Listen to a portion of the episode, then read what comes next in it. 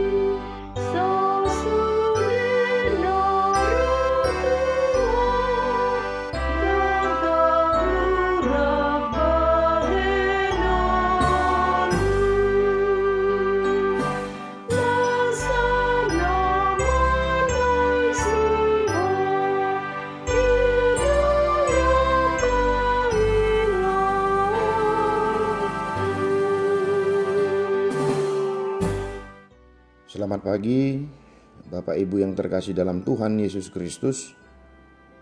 Renungan firman Tuhan bagi kita untuk memulai aktivitas kita satu hari ini tertulis di dalam Mazmur pasal yang pertama ayat yang ketiga.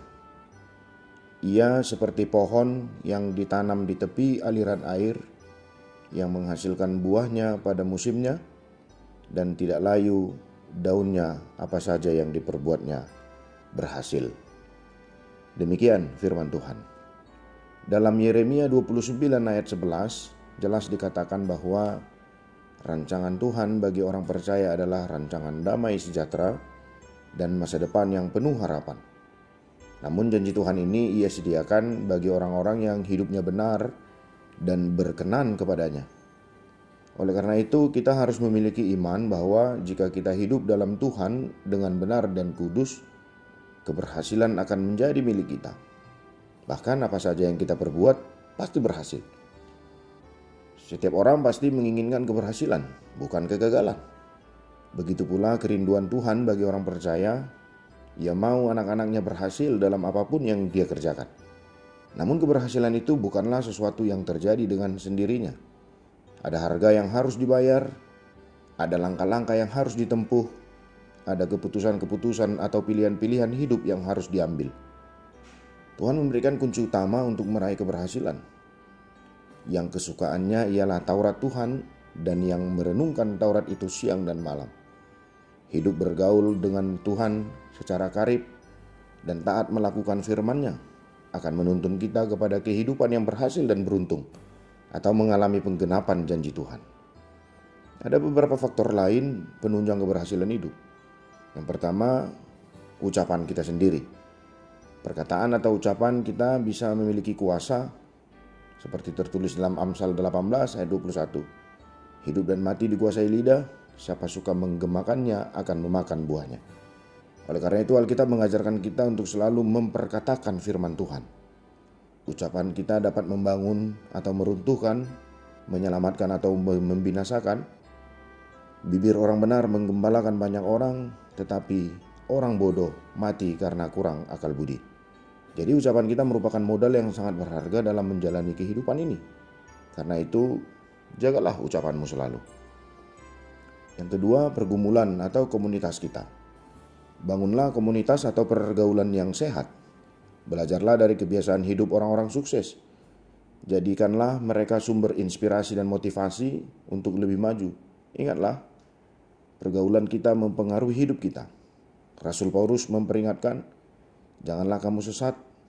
Pergaulan yang buruk merusakkan kebiasaan yang baik. 1 Korintus 15 ayat 33. Teman kita, buku yang kita baca, tontonan yang kita lihat menentukan kualitas hidup kita. Siapa bergaul dengan orang bijak menjadi bijak, tetapi siapa berteman dengan orang bebal menjadi malang. Amsal 13 ayat 20.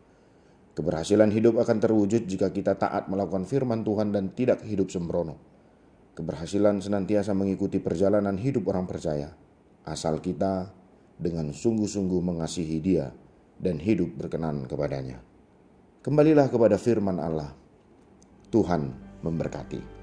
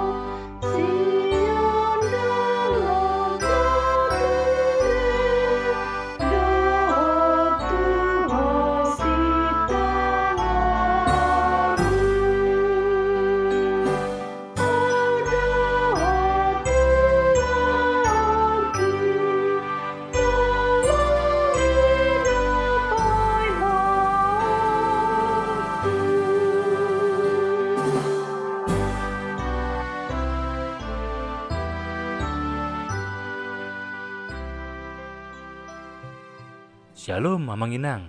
Terima kasih sudah mengawali hari dengan mendengarkan renungan hari ini.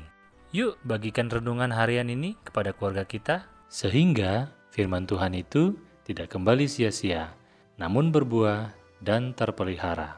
Tuhan Yesus memberkati.